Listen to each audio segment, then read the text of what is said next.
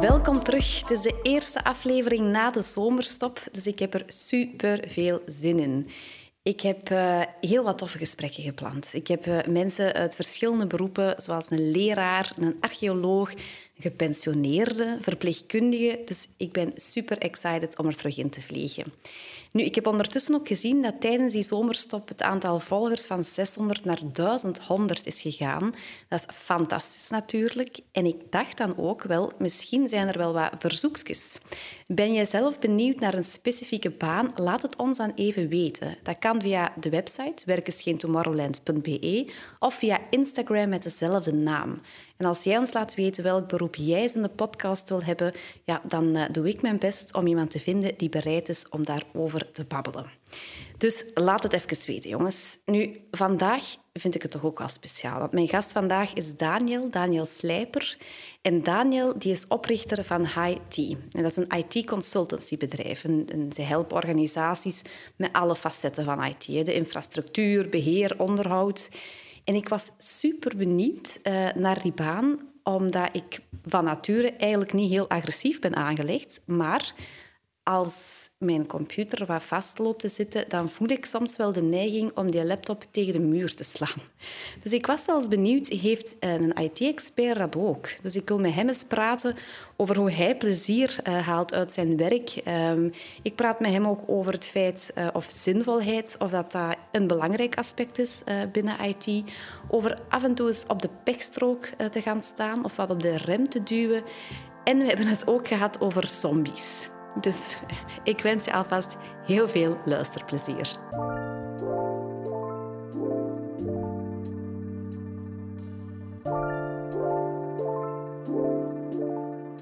Wie ben ik? Wie ben je? Wat drijft je? Wat voel je? Dat is ook nog binnenkomer. Vertel eens over jezelf. Ja, dit is niet officieel, hè? Nee, nee, dat weet ik. Maar zelfs zonder een camera en zonder een micro's, als je mij dat op de man afvraagt, dan denk ik, ja, uh, Maar ik zal een vraag makkelijker stellen. Uh, wat zijn uw hobby's? Mijn werk. Oké. Okay. Uw werk is uw hobby? Dat is mijn eerste grote hobby.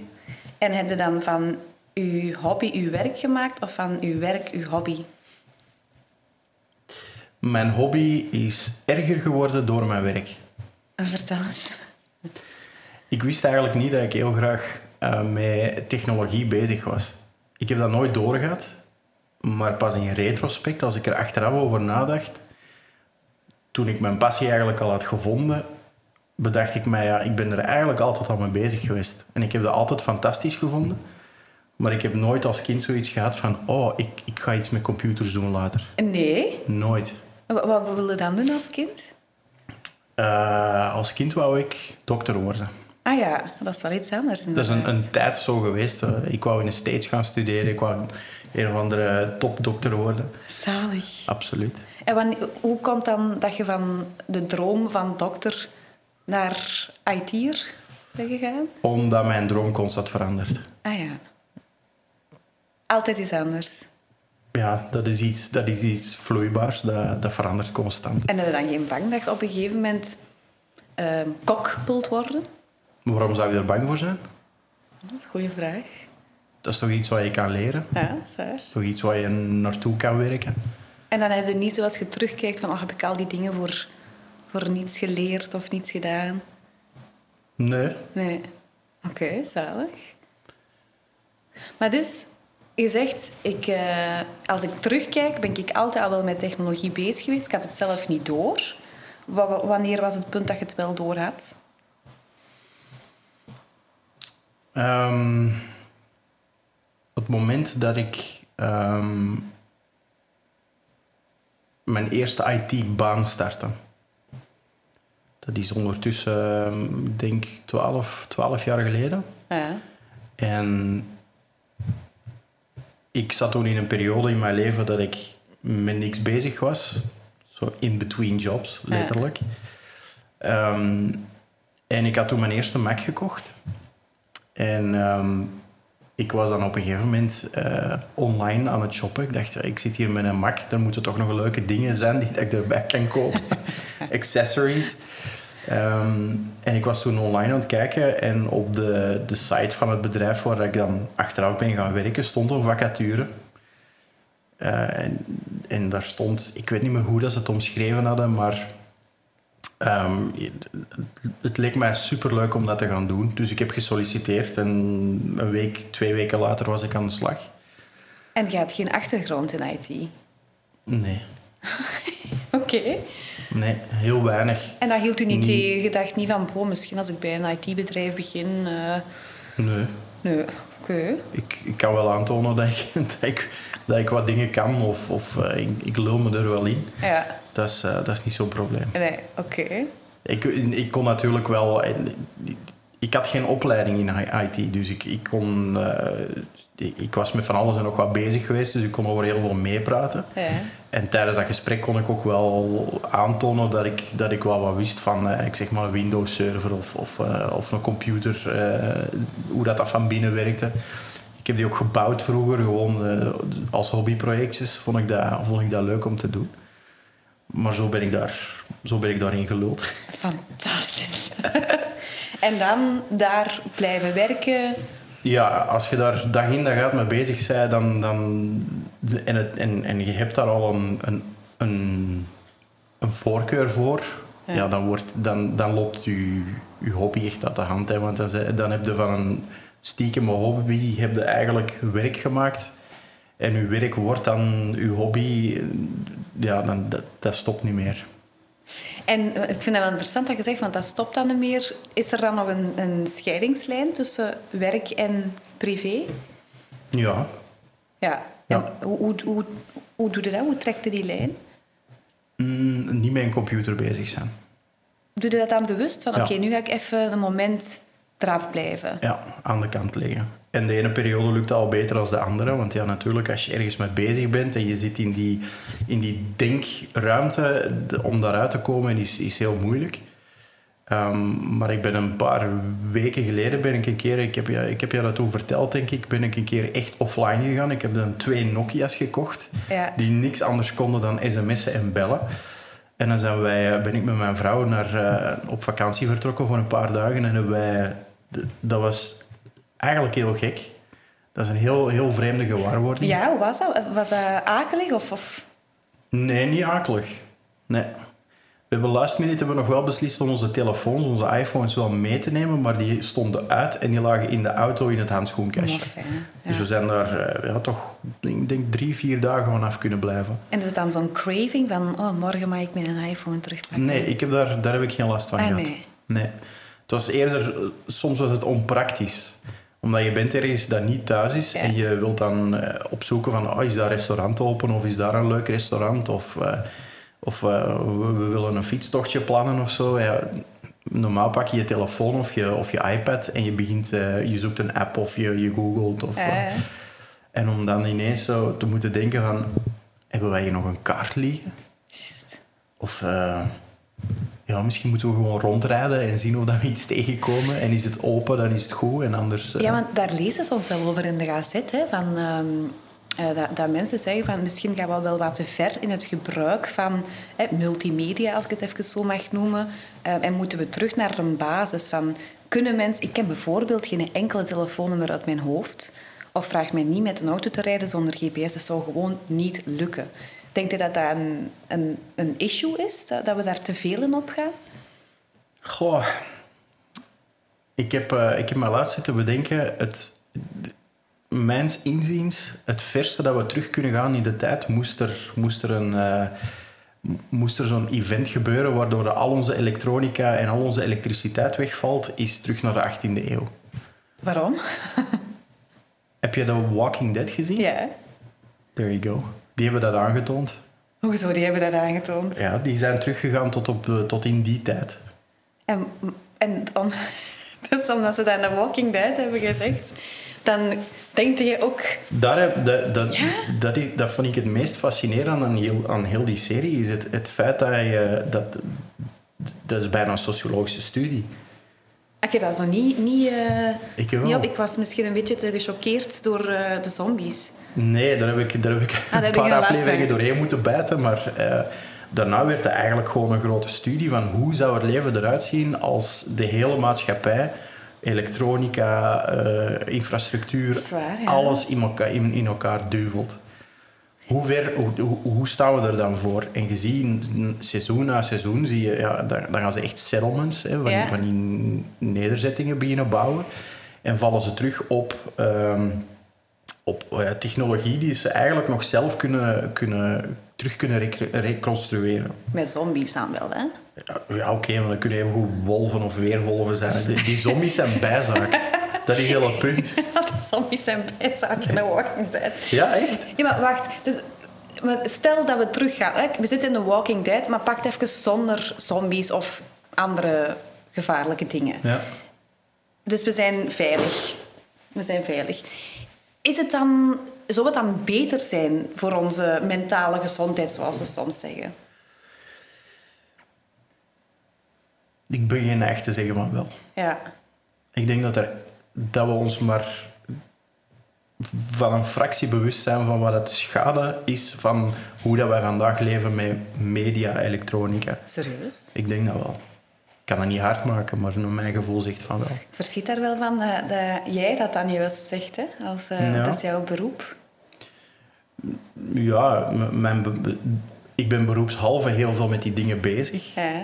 Maar ik denk dat ik op die manier misschien des te beter kan zien dat het, hoe schadelijk dat het kan zijn. En wat, wat zie je dat bijvoorbeeld? Eigenlijk gewoon in mijn, mijn omgeving. Ik, zie, eh, ik, ik maak mezelf er ook schuldig aan, maar ik zie mijn collega's, eh, mijn familieleden, mijn zoon, die, die zijn constant met die dingen bezig. Ja, en de jongere generatie, je zegt al, jouw zoon, ehm, de jongere generatie, ja, dat zijn eh, de digital natives. Die zijn praktisch geboren met een, een telefoon aan hun hand. Ja. Wat, wat voorspelde voor de toekomst als die generatie zich op de arbeidsmarkt begeeft of eh, in het leven verder zet? Ehm,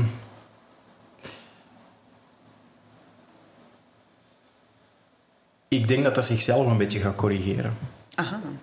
Eh, je- je ziet nu al ehm, een, een hoop initiatieven om eh, kinderen eh, en mensen terug, terug naar buiten te krijgen. Af- afgelopen weekend heb ik dat nog op tv gezien, dat ze... Dat ze ik weet zelfs niet meer exact waar het was, maar hier in het Antwerpse hadden ze een, een, ehm, een, een initiatief om die kinderen echt ja, mee naar buiten te krijgen, terug te doen spelen met hun omgeving, met hun fysieke omgeving bezig te zijn.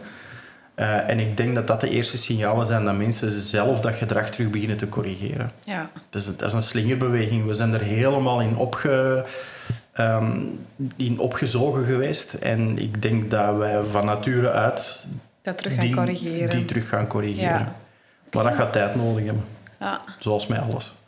Zoals met alles, ja. En bovendien, ik denk als ehm, eh, zeker jongere generaties dat ene keer gewend zijn, dat dat ook niet evident is om, als je bijvoorbeeld kijkt naar eh, de metaverse en alles wat daar rond gaat gebeuren, of wat ze alleszins voorspellen dat er gaat gebeuren, ja, dan, ik, ik denk soms van, ah, binnenkort, ehm, dat is natuurlijk relatief, gaan wij gewoon in twee werelden leven. De, echte, de, de fysieke wereld en een wereld waarin dat we met avatars... eh, Ik denk het niet. nee, hè? Ik denk dat die door elkaar gaan lopen.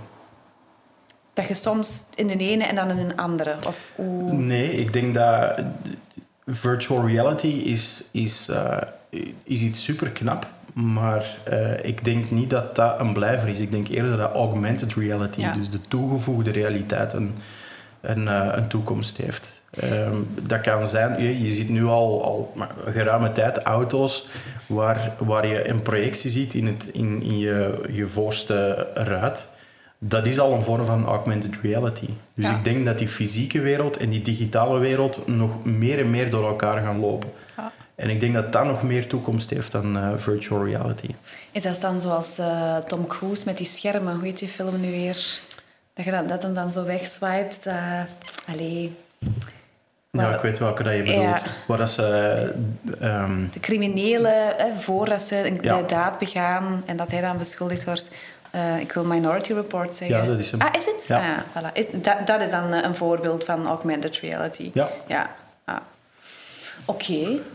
Ja, ik ben daar inderdaad ook wel heel benieuwd naar, omdat je nu bijvoorbeeld ziet met het uh, hybride werken alleen al, en dat is dan nog niet zo, ja, dat is nog geen augmented reality of geen virtual reality, maar dat je wel merkt, en ik merk dat in mijn eigen baan ook wel, ja, die, je zit een hele tijd tussen zo de efficiëntie en de verbondenheid. En ja, mensen leven een beetje meer in hun eigen communities, in hun eigen teams en cross teams of cross communities dat wordt wel moeilijker. Terwijl langs de andere kant, dat je in, op maatschappelijk niveau hebt een globalisering van hier tot aan de andere kant van de wereld.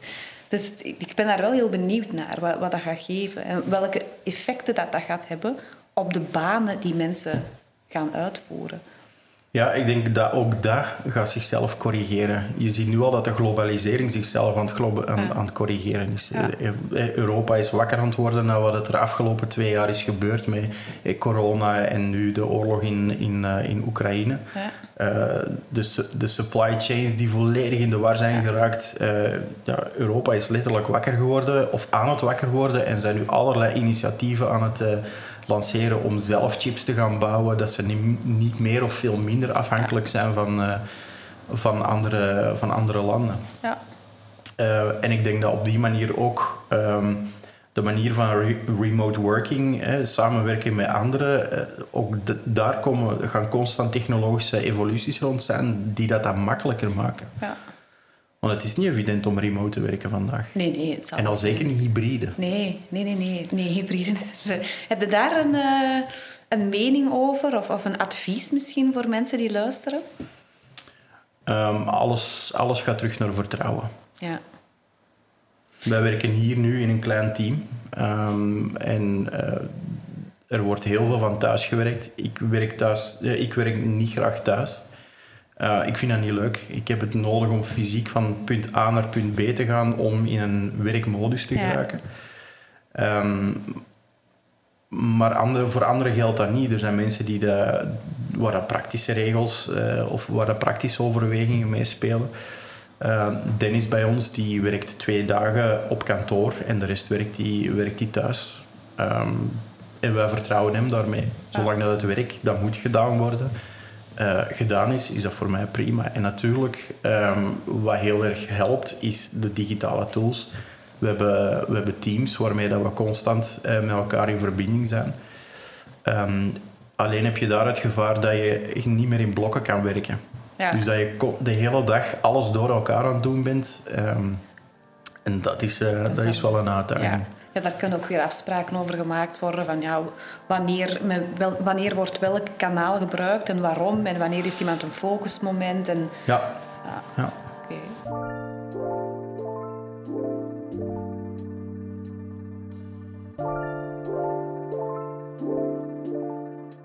Zeg, je, maar we zijn hier eigenlijk om te praten over, over werkgeluk hè, en over uh, hoe dat jij ervoor zorgt in jouw baan als, uh, als IT'er, als ik het even zo mag noemen, um, ja, daar alles uit werk haalt wat eruit te halen valt. En ik heb wel wat uitgekeken naar, uh, naar het gesprek, omdat het... Um, ja, er, er heersen toch wel wat stereotypen over IT'ers. De, de, ik, ik, moet denken aan uh, Computer Says No. Ik moet denken aan mensen die bellen en zeggen dat ze grote problemen hebben, maar een computer nog nooit hebben opgestart. En ik moet vooral denken aan mijzelf wanneer mijn computer niet werkt. dat zijn zo de, de momenten op een dag waar je mij niet wilt tegenkomen, omdat dat toch een lichte agressie in mij wakker maakt. Dus ik vroeg me dan af, als jij continu met zo'n dingen bezig bent, ehm, ben jij dan gelukkig op het werk? Ja, absoluut. Oké. Ik ben ook niet constant met zo'n dingen bezig. Gelukkig. Word je daar ook aan de tand van, van die dingen? Ja, als iets niet werkt, dat zou moeten werken. Dat, dus als je dat, dat strandballetje krijgt, als er iets blijft hangen, dan word je ook gefrustreerd? Of Absoluut. Ah, maar hetgeen wat volgt is bij mij anders. Oké. Ik wil weten hoe dat, dat komt. Dus ah, ik ga eraan. Ik spendeer heel mijn dag, mijn nacht desnoods om te weten van waar komt dat staanbalk heel de tijd. Ah, ja. Meer als normaal. Om maar een voorbeeld te noemen. En dat is hetgene wat, dat, wat dat u daar blij in maakt? Ja, als ik dat strambalken dan wegkrijg, dat vind ik fantastisch. Ah ja. En dat is echt een moment van pure vrede. Ja, dan kan ik zeggen, fuck you computer. Ah ja, je wilt eigenlijk winnen van de computer. Absoluut. Ah ja, dat is, dat is het toen, winnen van de computer. It's just a computer, man. Zalig. zeg, eh, wij eh, we kijken bij Housework en werkgeluk in, in 4D, vier dimensies. Je hebt tevredenheid, plezier, engagement en zinvolheid. En die tevredenheid, dat, gaat, eh, dat zijn zo de ouderwetse voorwaarden. Dat gaat over eh, loon, een, een fatsoenlijke verdeling tussen werk privé, ehm, het feit dat je veilig bent. Ehm, als ik je zou vragen om een cijfer ge- te geven op vlak van uw werktevredenheid, en dat is dus echt basis, basis. Welk cijfer zou u dan geven? Goeie acht. Een goede acht. En waarom? Perfect bestaan niet. Nee. Negen werk ik naartoe. En zeven is te weinig. En hoe ziet een negen eruit?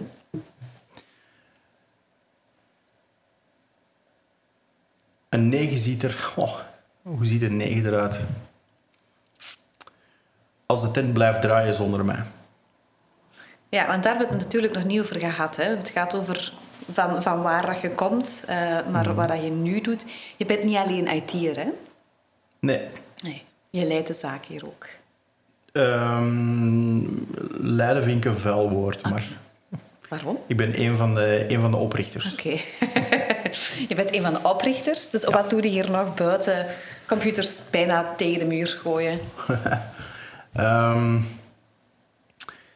ik, ehm, ik ben heel veel bezig met, eh, met pre-sales. Dus eh, we hebben hier, iedereen heeft zo zo'n zo'n rol en dat is vrij natuurlijk gekomen. Maar ehm, natuurlijk doe ik ook andere dingen. Ik ben ook, eh, zolang ik geen administratie moet doen, vind ik het fantastisch. Oké. Dat is straf. Ik hoor dat dus van iedereen die ik tot nu toe in een podcast heb gehad. Die zeggen allemaal, ik wil geen administratie doen. Nee, vind ik, Ik ga eens een administratief eh, medewerker uitnodigen. Ja, dat is goed. Jij bent heel benieuwd. Oké, dus administratie is het enige waar je zegt echt niet. Nee, Nee. nee. Waarom niet? Hetzelfde als een afwasmachine uitladen.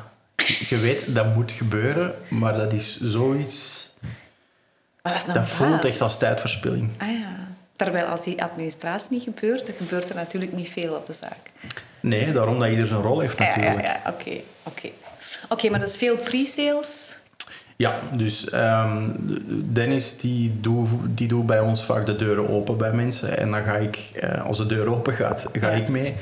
Ehm, en dan, ehm, we hebben, een, we hebben een, een duidelijke methode. We doen eerst een, een, een analyse of een scan eh, van hoe dat de situatie van die, eh, die klant eruit ziet.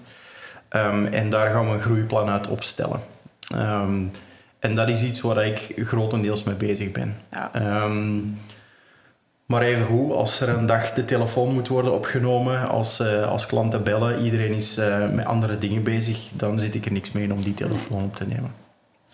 En dus een 9 betekent dat, Dat je- ik dat niet meer moet doen. Ja. En wat zou je dan nog wel doen? Werken aan het bedrijf Ja. en niet meer in het bedrijf. Heb je dan geen schrik dat je zo de passie voor... Hè, want je zegt van ik heb van mijn, van mijn werk, mijn, of mijn hobby, mijn, mijn werk gemaakt. En die hobby is natuurlijk techniek. Werken aan een bedrijf. Zolang ik kan kiezen om er toch nog in te Ah, ja, werken. Dus als ik 's morgens kan opstaan en zeggen, vandaag heb ik zin om in het bedrijf te werken Ja. en ik heb de vrijheid om dat te doen en ik moet het niet doen, dan, dan komen we op het punt dat ik een 9 kan geven. Ah ja, dus je, het, moet, het mag niet moeten, maar de optie moet er wel zijn. Ja. Ja, oké, begrijp het.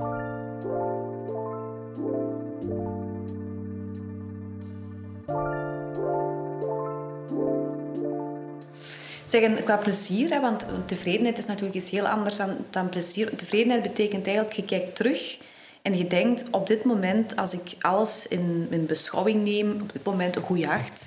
Eh, maar plezier is eigenlijk, gaat meer over het feit dat je ja, echt fun ervaart terwijl dat je werkt. En daar, als je daar onderzoeken over leest, dan, eh, dan kun je zien dat twee derde van de gevoelens of emoties die we hebben terwijl we werken, zou positief moeten zijn. Kan jij dat voor jezelf zeggen, dat terwijl dat je werkt, dus niet terugkijkend, maar op het moment zelf, dat twee derde positieve emoties zijn? Minstens. Minstens. Minstens. Oké. Zolang ik geen administratie moet doen. Dus je zit vaak... ehm, de, iets te werken en dan, bo, dit is fantastisch.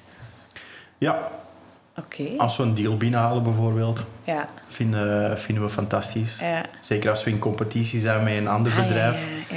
En, eh, en ze kiezen toch voor ons op basis van, eh, van vertrouwen bijvoorbeeld. Ja. Ehm, dan, eh, ja, dat is kicken, dat vinden we fantastisch. En het proces daar naartoe, naar die deal proberen binnen te halen, niet wetende dat je hem hebt.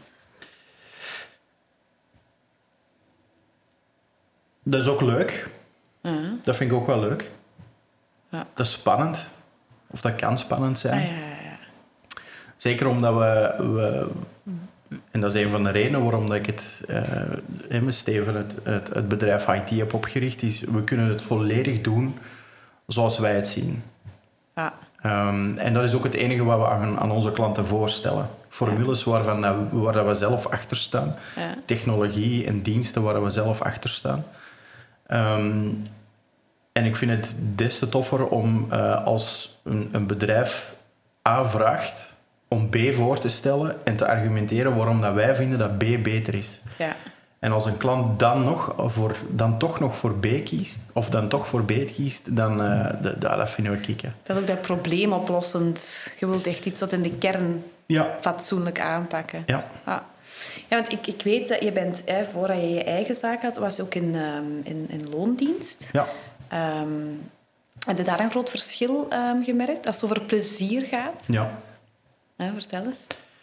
Ehm, in loondienst ehm, heb, je, heb je geen controle of heel weinig controle over de mensen met wie je samenwerkt. Ja, En dat vind ik zo belangrijk. Je hebt energiegevers en energievreters. En van nature uit probeer ik van energievreters weg te blijven. Ja. In loondienst kan dat niet. Je hebt dat niet te kiezen. nee. Eh, Dus dan moet je eh, om energievreters heen beginnen werken. En eh, ja, dat, is de, dat vreet energie. ja. En dat is nu heel het punt. Eh, ik wil alleen maar met dingen bezig zijn die me energie geven. Ja. Ja, en dat zie je ook. Het studie 6 gaat over werkplezier. Ehm, dat collega's daar gewoon super belangrijk zijn. Ja, hè, want je doet het samen. Hè. Ja. Wat je ook wel ziet, ehm, het zijn natuurlijk statistieken. Hè. Dit is iets anders dan, dan ons gesprek. Maar je ziet wel dat bij ondernemers of bij zelfstandigen dat ehm, zij heel geëngageerd zijn. Dat die derde dimensie. Hè. Dus heel hard streven, ehm, heel vaak overuren draaien. Bereid zijn om een extra mile te gaan, uiteraard, hè, want het is uw eigen bedrijf. Maar dat dat vaak wel ten koste gaat van zo de fun momenten. Omdat, ja, als het uw eigen bedrijf is, je bent uiteindelijk wel voor alles verantwoordelijk. Is dat iets wat, wat je hebt gemerkt ook, van, dat die engagement is toegenomen een beetje ten koste van plezier? Nee. Nee. Ook omdat we daar heel bewust mee proberen om te gaan hier. Ehm, ik vind het eh, een foute instelling om ehm zelfstandige te worden en extra uren te gaan draaien in, met, met de illusie dat je dan een edge krijgt ten opzichte van je concurrent. Dat klopt niet. Je hebt van die, van, die, van die oude stropdassen die zeggen ja, je moet om vijf uur opstaan, want de eerste die wakker is, die, eh, die, die wint de deal. Ja, dat klopt niet. Het is degene die af en toe aan zijn zaak werkt in plaats van in zijn zaak. Dat zijn degenen die daar hun edge winnen. Ja. Dus de mensen die daar af en toe even stoppen met rijden, Ja. op de pechstrook gaan staan en eens, eens op de kaart kijken van zijn we nog wel juist aan het rijden Ja. en bijsturen waar nodig, dat zijn degenen die edge creëren. En het is door die pauzes te creëren dat je ook, ehm, dat je ook extra rust vindt. Ik vind dat wel niet evident wat je zegt. Ik, eh, ik begrijp wat je wilt zeggen, maar ik kan me ook voorstellen als je echt aan die zaak aan het bouwen bent en je bent geëngageerd en je bent aan het streven en het gaat bijvoorbeeld even minder goed of anders dan verwacht. Veel mensen hebben dan de neiging om zo nog wat extra op die gaspedaal te duwen. Hè? Terwijl jij zegt van ja, Stop. even stoppen, pechstrook, doe je hesje aan, zet je een driehoek, Ja. ga even zitten. Absoluut. hoe, hoe, doe, hoe doe je dat dan? Hoe, hoe kunnen daar tips geven? Goh, hoe dat je dat praktisch aanpakt, dat is heel persoonlijk, denk ik. Hoe, wanneer krijg je dat zo door? Want je zit dan toch in een bepaalde tunnelvisie van gaan, gaan, gaan. Wanneer heb je dat een snutje? Mm, als je stresslevels te hoog beginnen te worden. Ja. ja. Dat is voor u een teken van oeh. Ja, als ik, ehm, als als ik zelf of mijn collega's, eh, als ik merk dat die... eh, we hebben de afgelopen kwartaal nog gehad. We hebben een, een fantastisch kwartaal gehad. Maar het was te druk. Het was te veel. We hebben ons te veel op de, de hals gehaald. En dan merkte ik aan, eh, aan Steven, aan mijn collega, dat hij dat die in het rood begon te gaan. Ja. En dat is het moment waarop... De, want bij mij viel het mee, maar bij hem ging het, ging het te rood. Mhm. En dat is het moment dat ik op de, op de rem ben gaan staan. Ja. Ja, dat moeten we wel zien inderdaad. Hè? Ja, daarvoor zijn we een team. Hè. Ja. Ja. Mijn collega's zien ook wel eens iets bij mij dat ik eh, zelf nog niet had gespot. Nee.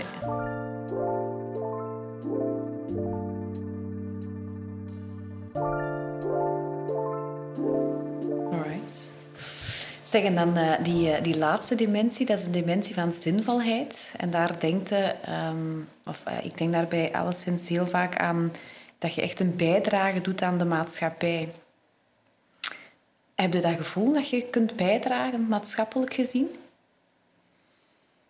Goh, op een bepaalde manier zullen we wel bijdragen, zeker voor onze eigen klanten. Ehm, maar ik vind dat een beetje overroepen.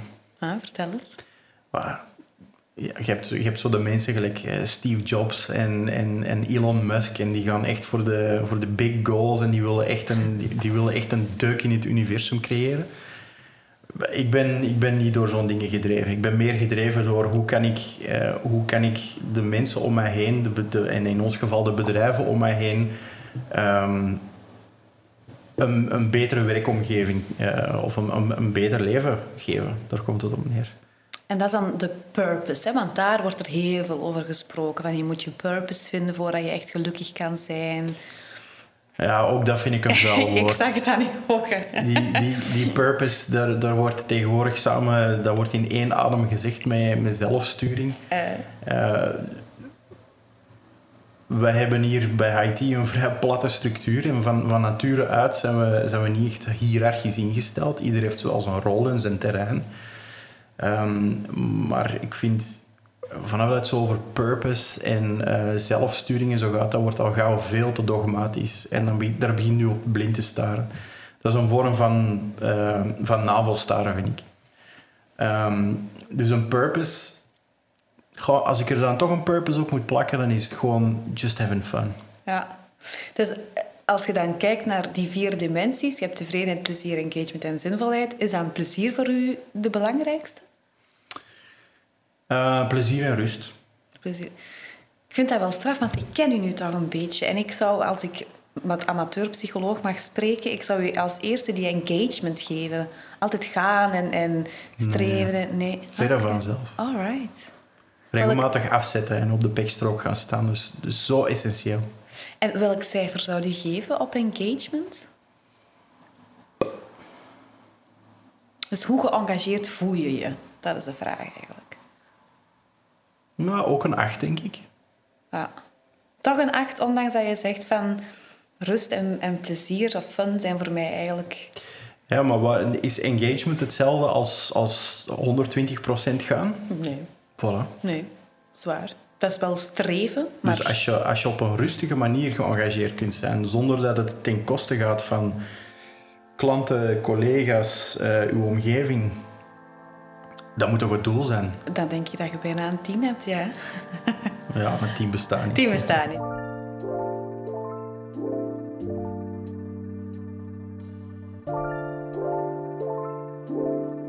En, en zinvolheid, die, eh, die maatschappelijke bijdrage, welk cijfer zou je daarop geven? Goh, dat vind ik vooral overroepen. Ehm daar zou ik zelfs geen cijfer op kunnen plakken. Nee, is Ik- gewoon een kruisje. Ja, ik zie... Ik, wij zijn een van de vele radartjes in, een hele, in, in hoe dat de maatschappij werkt. Dus ik, ik ga niet zeggen van nou, wij, wij creëren zoveel zin in de maatschappij. Wij zien IT als ehm, eh, op een bepaalde manier, vanuit een bepaald perspectief. En dat is iets wat we, wat we gelukkig succesvol in de markt aan het zetten zijn. Ehm, maar om nu te zeggen, wij zijn eh, disruptors die heel de IT op zijn kop gaan zetten, dat is voor ons niet het doel. Nee. Wat is het doel? Making fun. Ja, Having fun. having fun. Ja, ik vind dat dat hier ergens op de muur mag komen. En, eh, Nou, het is nog een maagdelijk witte muur Eh, hierachter, dus- voilà, eh, voilà. Alright. Zeg, als je op dat vlak, want ik vind het wel interessant, ehm, omdat ik veel mensen ken die heel geëngageerd zijn, heel ambitieus zijn, maar daarin de fun verliezen. Wel, wat een heel logische combinatie is, dat zie je ook heel, dat is ook burn-out, hè? heel hard blijven streven en dan eh, die fun verliezen. Welke tips zouden kunnen geven? Neem op tijd rust. Ja, de Ga op die pechstrook. staan. Ja. En maak tijd om na te denken. Maak tijd om aan uw bedrijf te werken en niet in uw bedrijf. Ja. Hoe ziet uw pechstrook eruit thuis? Ik heb een tuin. Waar ik heel graag in vertoef. Ja. Ehm, en eh, ik ben sinds vorig jaar heel intensief beginnen sporten. Drie keer per week. Right. En dat is, eh, dat is mijn power pechstrook. Dat is uw power pechstrook. Ja. Dus je hebt een rustpechstrook en een power pechstrook. Ja. Ah, fantastisch. Oké, als je nog kunt afsluiten met één tip in het algemeen rond werkgeluk. Eén iets wat jij de wereld nog zou willen inzenden. Mag over zombies gaan hoor. Zet je computer af en toe eens uit. Ja. En leg je telefoon aan de kant. En ga gewoon in de tuin zitten of in het park. Ah, wel, ik vind dat een heel goede tip. Ik ga dat vanavond doen. Ik ga mijn computer uitzetten. Ik heb nu wel geen tuin, maar ik ga op een terras zitten als dat ook kan. Ja, dat is ook goed. Super. Daniel, dikke merci. Is graag gedaan. eh, zeer interessant. Ik heb eh, iets bijgeleerd over IT, eh, maar vooral over hoe dat je geëngageerd kunt zijn zonder dat je op 120% staat. Ja, merci. Check.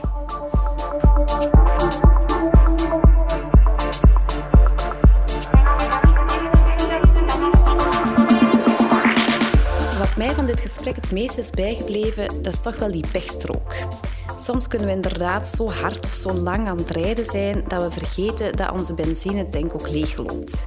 We hebben dan dat doel voor ogen, we willen ergens zijn en in plaats van af en toe te pauzeren, ja, dan trappen we toch vaak wat harder op die, op die gaspedaal. We willen er wat sneller geraken, terwijl het toch inderdaad beter is om af en toe eens afstand te nemen. Om terug te kijken naar de route die wij hebben afgelegd, om die eindbestemming nog eens eh, fatsoenlijk te bekijken of om te zien of we nog op de beste weg zitten. Want misschien vinden we wel een kortere route of eentje die iets aangenamer is om te rijden. Maar dat is niet altijd even gemakkelijk. Soms is het gemakkelijk om te blijven gaan en om te blijven gas geven. Natuurlijk, als we dat niet doen of als we dat te laat doen, dan zou het wel eens kunnen dat we zonder benzine op die pechstrook terechtkomen. En ik weet niet of jullie het al wel eens hebben meegemaakt, maar ik ben ooit eens op de brug van Massenhoven stilgevallen zonder naft. Op die brug daar. Nu, ik was net op tijd op die pechstrook. En ik stond daar en ja, ik kon dat natuurlijk eerst niet geloven dat ik daar effectief stond zonder benzine. Dus ja, je probeert toch die auto terug in gang te steken. Je doet dat een aantal keer en soms is dat dan zo een paar stukjes dat je verder kunt rijden. Maar op een gegeven moment moet je toegeven, bo, ik sta hier op die, op die pechstrook. Ik had gedacht dat mij nooit niet zou overkomen, maar ik ga hier hulp nodig hebben. En dan moet je zo'n fluo vestje aandoen, je zet je gevarendriehoek. Je gaat aan de kant staan en dan moet je natuurlijk die, eh, die takelwagen laten komen. Hè. Dus je belt daar naar eh, de takeldienst. Je staat daar nog altijd met je fluo hesje.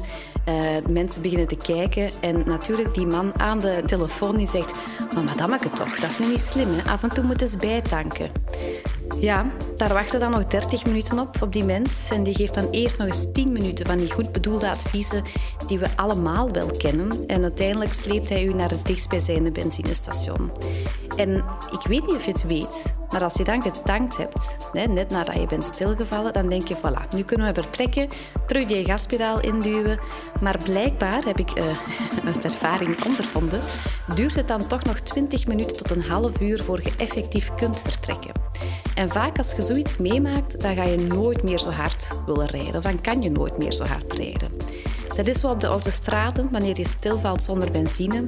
Maar dat is natuurlijk ook zo wanneer we ons leven in overdrive gaan. Dus het advies van Daniel om af en toe eens te pauzeren, om stil te staan bij de route, terug te kijken en wat verder kijken, dat kan wonderen doen en dat zorgt ervoor dat we niet getakeld moeten worden. Ik ben natuurlijk super benieuwd naar wat jij van deze aflevering vond. Dus laat het ons zeker weten um, via www.werkisgeentomorrowland.be. Daar kan je je ook inschrijven uh, op de nieuwsbrief. Um, en volg ons zeker op Instagram onder dezelfde naam. Tot de volgende!